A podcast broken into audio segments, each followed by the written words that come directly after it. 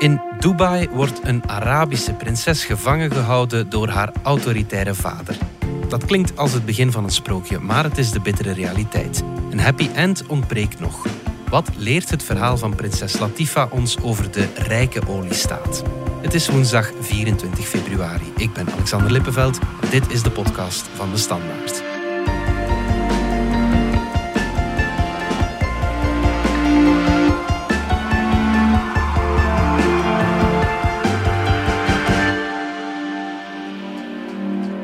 Jorn de Kok van onze buitenlandredactie en vanuit Dubai. Om te beginnen, wie is prinses Latifa?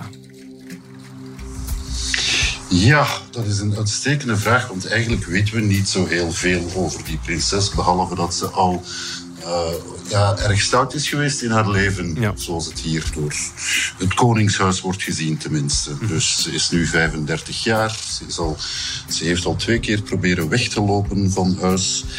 En de laatste keer heeft eigenlijk het wereldnieuws gehaald, omdat ze toen in 2018 met een boot is ontsnapt en voor de kust van India op een wel spectaculaire manier uh, door commando's van haar boot is geplukt en terug naar Dubai is gebracht.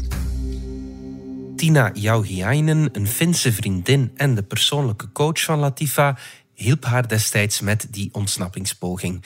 Dat ging er echt aan toe, zoals in de films. Um, well, basically, she asked me in summer 2017 if I would um, help her um, escape from Dubai. Uh, we basically left Dubai on 24th of February um, 2018, where we met outside a cafe, and um, I drove to to uh, Oman so we, we crossed the border and we met someone outside of Muscat um, at the beach. We took a dinghy to, towards the international waters and we met by um, the captain and one of the crew members um, with jet skis halfway and they took us to the boat. So it was definitely um, an adrenaline packed day. Vluchten naar Oman met een klein bootje de Indische Oceaan op naar een schip richting de vrijheid. Maar ze werden onderschept en Latifa werd gevangen genomen. The last time I saw her, yes, she was kicking and screaming and she was dragged off the boat. Um, her pleas for asylum were ignored. Um, that's, that's the last time. Prinses Latifa maakte voor haar ontsnappingspoging een video die mocht vrijgegeven worden als ze gepakt werd. Ze vreesde toen voor haar leven. Hello, my name is Latifa Al Maktoum and I'm making this video because it could be the last video I make. Pretty soon I'm going to be leaving somehow. I'm not so sure of the outcome, but I'm 99% positive it will work. And if you are watching this video, it's not such a good thing. Either I'm dead or I'm in a very, very, very bad situation. Ze schetst in die video een allesbehalve fraai beeld van haar vader, Sheikh Mohammed.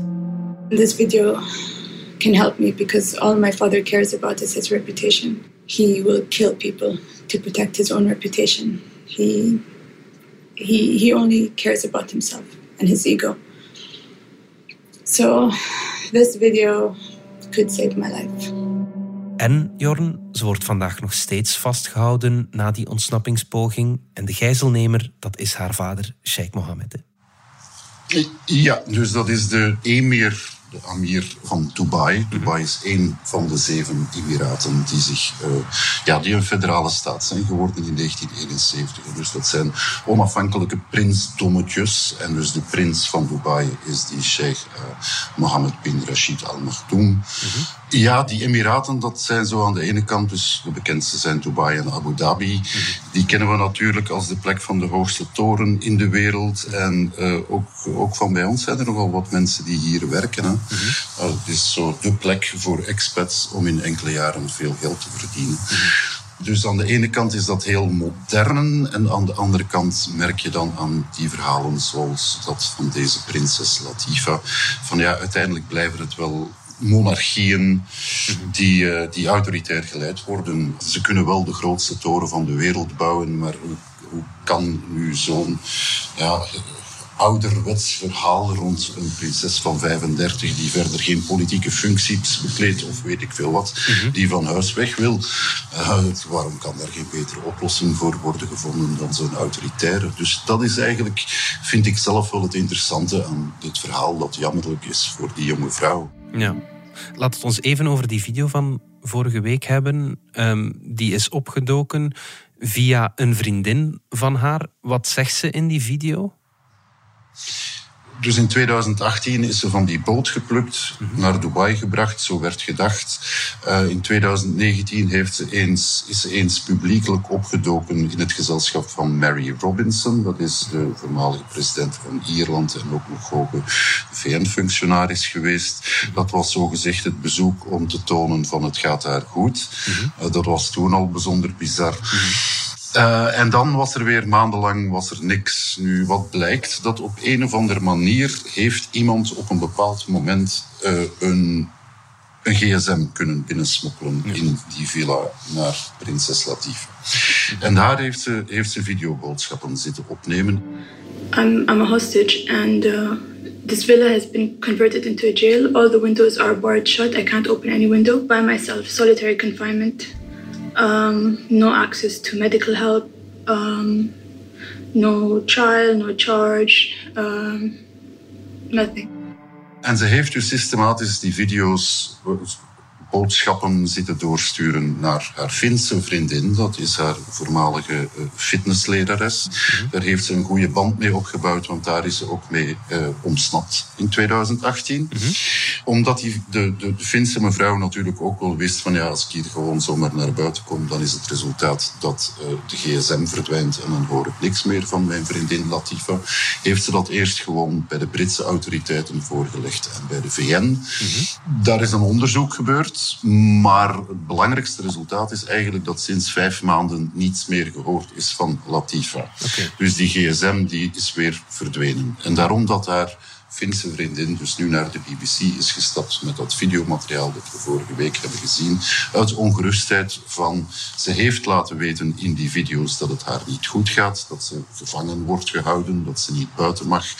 Uh, er zijn vijf politieagenten rond het huis, zegt ze, en twee vrouwelijke agenten binnenin. Ze volgen alles wat ik doe, ik mag niet buiten gaan wandelen. Uh, dus het gaat me helemaal niet goed, is basically haar boodschap. -hmm. Wat waren zoal de reacties op die reportage van de BBC met Latifa's videoboodschap? Hier in Dubai was er geen reactie, want uh, in, de, in, de, in de Dubaise media, die voor de rest soms zeer goed zijn, uh, wordt, dat dus, wordt daar met geen woord over gerept. Mm. Dus je kan hier wel de BBC-website open doen en daar stond vorige week in het groot en in het breed dat hele verhaal. Maar dus in de eigen kranten of op de eigen televisie zal je dat hier niet zien. Dat wordt gewoon doodgezwegen. Mm. Intussen zijn er wel uh, reacties vanuit de Britse regering. Premier Boris Johnson en buitenlandminister Dominic Raab hebben al gereageerd na die BBC-reportage. Well, I've seen some of the footage, and I think it's um, deeply troubling. And you can see a, a young woman under deep distress, but we are concerned about it. I think anyone at a human level would watch the footage and be concerned about it. That's something, obviously, that uh, we are concerned about, but uh, the UN Commission on uh, Human Rights is, is looking at that, and I think what we'll do is uh, wait and see how they uh, how they get on. We'll keep keep an eye on that. Ja, nogal halfslachtig. Dat is van, ja, eigenlijk zouden we het wel appreciëren als er een teken van leven komt van mhm. prinses Latifa. Want op dit moment weet niemand hoe dat zij eraan toe is, behalve haar familie natuurlijk.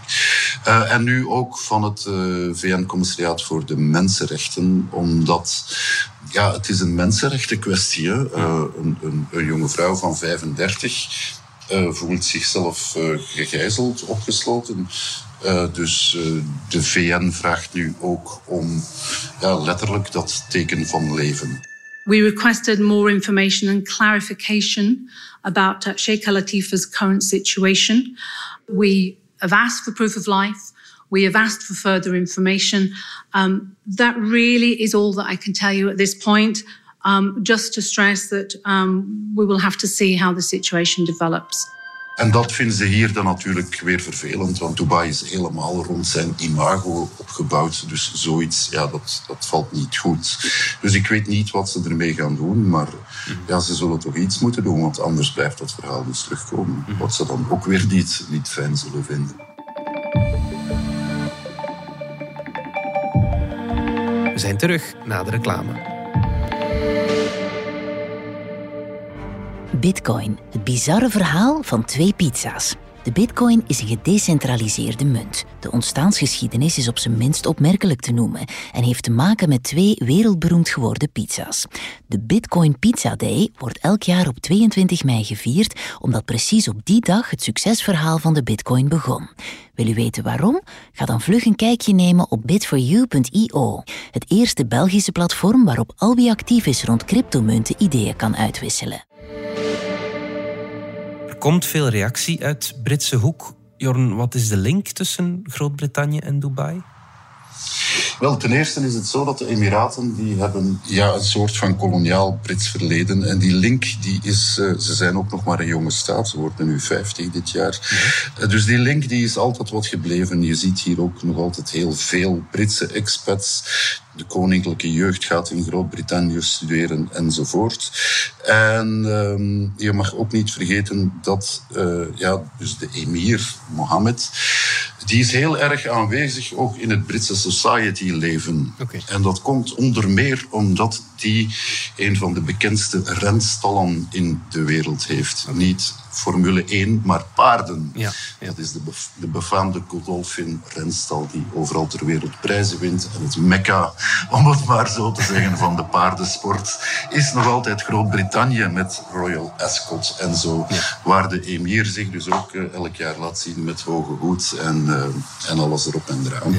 Dus ze hebben daar bezittingen, ze zijn daar aanwezig. De emir is... Uh, zo noemt men dat dan een persoonlijke vriend van de Queen enzovoort, van de, van de koninklijke familie in Groot-Brittannië. -hmm. Dus die, die links uh, die zitten uh, redelijk diep. Nu, uh, met zo'n familie waarin wel eens wat minder fraaie dingen gebeuren, betekent dat ook dat enkele van die dingen in Groot-Brittannië zijn gebeurd. Mm -hmm. Dus het is, het is, zo dat al ja, meer dan twintig jaar geleden, in, in het jaar 2000, is er al eens een dochter van de emir, van de emir Mohammed, weggelopen van toen het vakantiehuis van de familie in Groot-Brittannië. Okay. Die, is weg, die is weggelopen naar Cambridge en daar, een beetje zoals het uh, in 2018 is gebeurd met Latifa, is die daar door agenten van de Emiraten opgespoord, verdoofd, in een auto gestoken. En sindsdien is er van dat meisje, Shamsa heet ze, is er nooit, nooit meer iets gehoord. In een video van 2018, toen prinses Latifa probeerde te ontsnappen, legt ze uit waarom haar zus wegliep en waarom ook zij uit Dubai wil vertrekken. She escaped because she didn't have much freedom in Dubai. She didn't have freedom to do the things that, you know, anybody in a civilized world would take for granted, like driving a car or traveling or, you know, just making choices for your own future. Um, freedom of choice is not something that, you know, we have. So when you have it, you take it for granted. And if you don't have it, it's very, very special. Twee jaar later is ook de toen nog zeer jonge Latifa al eens proberen weg te lopen. Na Latifa's ontsnappingspoging toen in de Indische Oceaan in 2018 is niet zo lang daarna is de tweede echtgenote van, de, van emir Mohammed, prinses Haya, die heeft eigenlijk beveiliging aangevraagd in Groot-Brittannië met haar twee kinderen. Mm -hmm. Dus na de twee dochters was er dus ook nog eens een echtgenote van emir Mohammed, die uh, dus in Groot-Brittannië zit met hun twee kinderen. Mm-hmm. En prinses Haya is niet de eerste, de beste. Dat is uh, de dochter, een dochter van koning Hussein van Jordanië, dus uh, halfzus van de huidige koning van Jordanië, Abdullah II. Mm-hmm. En zij heeft dus een proces aangespannen in Groot-Brittannië dat uh, in het voorbije jaar voor het Hoge Rechtshof is gekomen. Mm-hmm. En dat Hoge Rechtshof heeft in alle discretie, want er waren twee kinderen bij betrokken en zo, maar geeft haar voorlopig over de hele lijn gelijk. En ook de kwestie van die twee dochters zijn daarin naar boven gekomen. Dus vanuit Londen wordt eigenlijk uh, emir Mohammed juridisch onder druk gezet. Ja, zo moet ik okay. maar zeggen. Ja. En hoe reageert de emir dan op die uitspraak van het Hoge Rechtshof en op die video van Latifa? Wel, het is eigenlijk niet echt een vonnis van het Hoge Rechtshof, maar het, het werd een fact-finding statement genoemd. Dus eigenlijk een, ja, een, een onderzoeksvaststelling. Hij zelf heeft eigenlijk gereageerd van ja, dat is een privé kwestie. En, uh, Dus dat is eigenlijk, ja, hij heeft dat gewoon afgewimpeld. Mm. Waarom willen die vrouwen eigenlijk allemaal weg van die emir of weg uit Dubai op zijn minst? Dat is een uitstekende vraag en, en ze hebben het mij natuurlijk niet verteld, uh, maar het is wel duidelijk. Het zijn er nu al drie, twee dochters en een echtgenote en twee van hun kinderen. Dat, uh, dat het niet zo fijn is in dat uh, zevensterrenpaleis hier in Dubai. Inger Mohammed heeft zes echtgenotes voor zover bekend met 25 kinderen. En iemand becommentarieerde daar deze week ook. Dus hij ziet duidelijk graag kinderen, maar hij weet blijkbaar niet goed hoe ermee om te gaan ja, de positie van de vrouw is hier nog altijd uiteraard uh, net iets minder dan in het Westen of in Scandinavië. En uh, vooral dat koningshuis, hè, dat is natuurlijk een, een gesloten boat. Mm -hmm. De emir is ook uh, niet meer van de jongste, dus die is 71. Dus daar, daar is, is misschien met zijn visies ook wat aan de hand. Mm -hmm. Maar het is wel duidelijk dat ja, als je kijkt prinses Haya dan vooral, dus zijn, zijn echtgenote die gevlucht is met twee kinderen. Uh, zelf een koningsdochter uit Jordanië. Uh, ja, het is wel duidelijk dat ze van die vrouwen hier weinig uh, meer verwachten dan ja, wees mooi en zwijg. En, -hmm. En dat Dubai, wat net zo'n stad is waar iedereen gouden kansen krijgt, hè, zoals het voorstellen, dat ja. is duidelijk binnen dat koningshuis niet het geval. Dat steekt inderdaad in, in, in schril contrast dat, dat enerzijds dat een stad is van kansen, zoals je zegt, en anderzijds mm -hmm. een vrouw van in de dertig haar eigen weg niet eens mag proberen gaan, of dat nu in het buitenland is of in Dubai. Ja, dat is die bizarre tegenstelling. Ja. Hè? Dat is van, ja, waarom, waarom kunnen ze daar niet beter mee om? En, en, en, maar het, het, mag niet dat dat meisje publiekelijk zegt dat ze weg wil en dat ze zich altijd mishandeld voelde of op zijn minst ja, geïntimideerd voelde door haar familie, dat ze nooit haar zin mocht doen, dat ze nooit mocht reizen.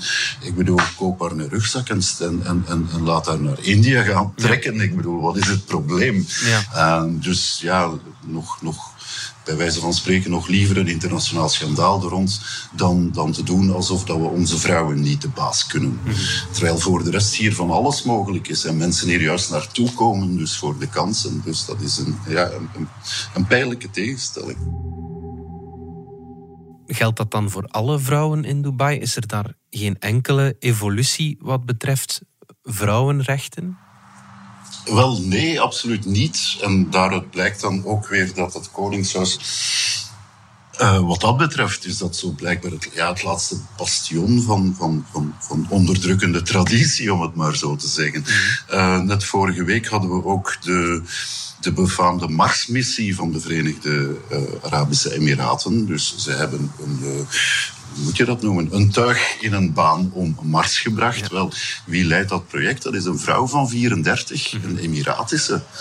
Mm -hmm. Dus die uh, vrouwen kunnen hier wel degelijk zeer hoog onderwijs genieten, naar het buitenland gaan, uh, gaan studeren, krijgen topfuncties, 34, en je, leidt, je leidt het ruimtevaartprogramma van de Verenigde Arabische Emiraten en je gaat al naar Mars. Dat is niet min. Mm -hmm. ja, um, dus uh, beperkingen worden ook hoe langer hoe meer opgeheven. Dat zie je ook ja, een beetje in het hele Midden-Oosten. Dat is met het vallen en opstaan. Maar bijvoorbeeld net in november hebben, ze, hebben de Emiraten toegelaten dat koppels ongehuwd samenwonen. Mm. Voor ons klinkt dat wat banaal. Intussen, uh, we zijn er al een paar decennia gewoon. Uh, maar hier is dat eigenlijk, ja, dat is een grote stap naar de, de afbouw van, het, van de patriarchie, van het, van het door mannen uh, gedomineerde systeem, waarbij het huwelijk essentieel is om vrouwen onder controle te houden, om het maar zo te zeggen. Ja. Uh, om, ze, om, om, ze in een legale dwangbuis te dwingen. Ja, ja. Dus je ziet vooruitgang, je ziet nu overal op in verschillende landen MeToo-campagnes die beginnen los te barsten. Dus die, die beweging richting vrouwenrechten, die is er, maar ze gaat met vallen en opstaan. Hoe kijken de inwoners van Dubai eigenlijk naar heel deze saga? Ze zullen waarschijnlijk ook wel een beetje bezorgd zijn om dat imago, maar het is zo, ja, eh, Dubai en de rest van de Emiraten zijn een beetje, zijn een beetje raar. Hè? 80% van de bevolking hier zijn buitenlanders. Hè? Dus van onze westerse expats tot de, de Indiase taxichauffeurs of de Bengaalse bouwvakkers of uh, het personeel in de restaurants, dat zijn geen Emiratis. Dat zijn allemaal buitenlanders. En voor die Emiratis wordt hier zeer goed zorg gedragen. Hè? Dus de eigenlijke locals, die je moet je voorstellen maar 20% van de bevolking uitmaken, ja, die krijgen gratis uh, onderwijs, gratis gezondheidszorg. Dat geld dat er is, uh, wordt uh, echt wel gebruikt om hen in de watten te leggen. Ja. Het is geen toeval ook dat, dat nu in de Emiraten, na Israël, uh, heeft het grootste vaccinatiepercentage tegen corona in de wereld. Dus um, het is een, een vreemd socialistisch emiraat voor zijn eigen bevolking, om het maar zo te noemen. Dat tegelijkertijd ultracapitalistisch is. Ja, ja. Dus um, het is niet zo dat er hier een revolutionaire beweging is tegen de emir.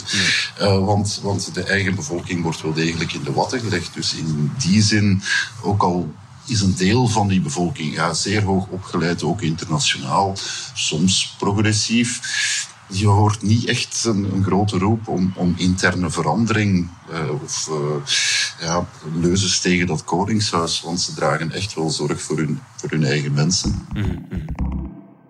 Hoe zie je nu die hele saga rond de emir en hoe hij vrouwen behandelt evolueren? Ik heb er eigenlijk niet echt een idee van. In de zin van. Dubai is niet, niet meer zozeer een oliestaat. De olie hier zit niet in Dubai, maar in, in Abu Dhabi, het andere emiraat.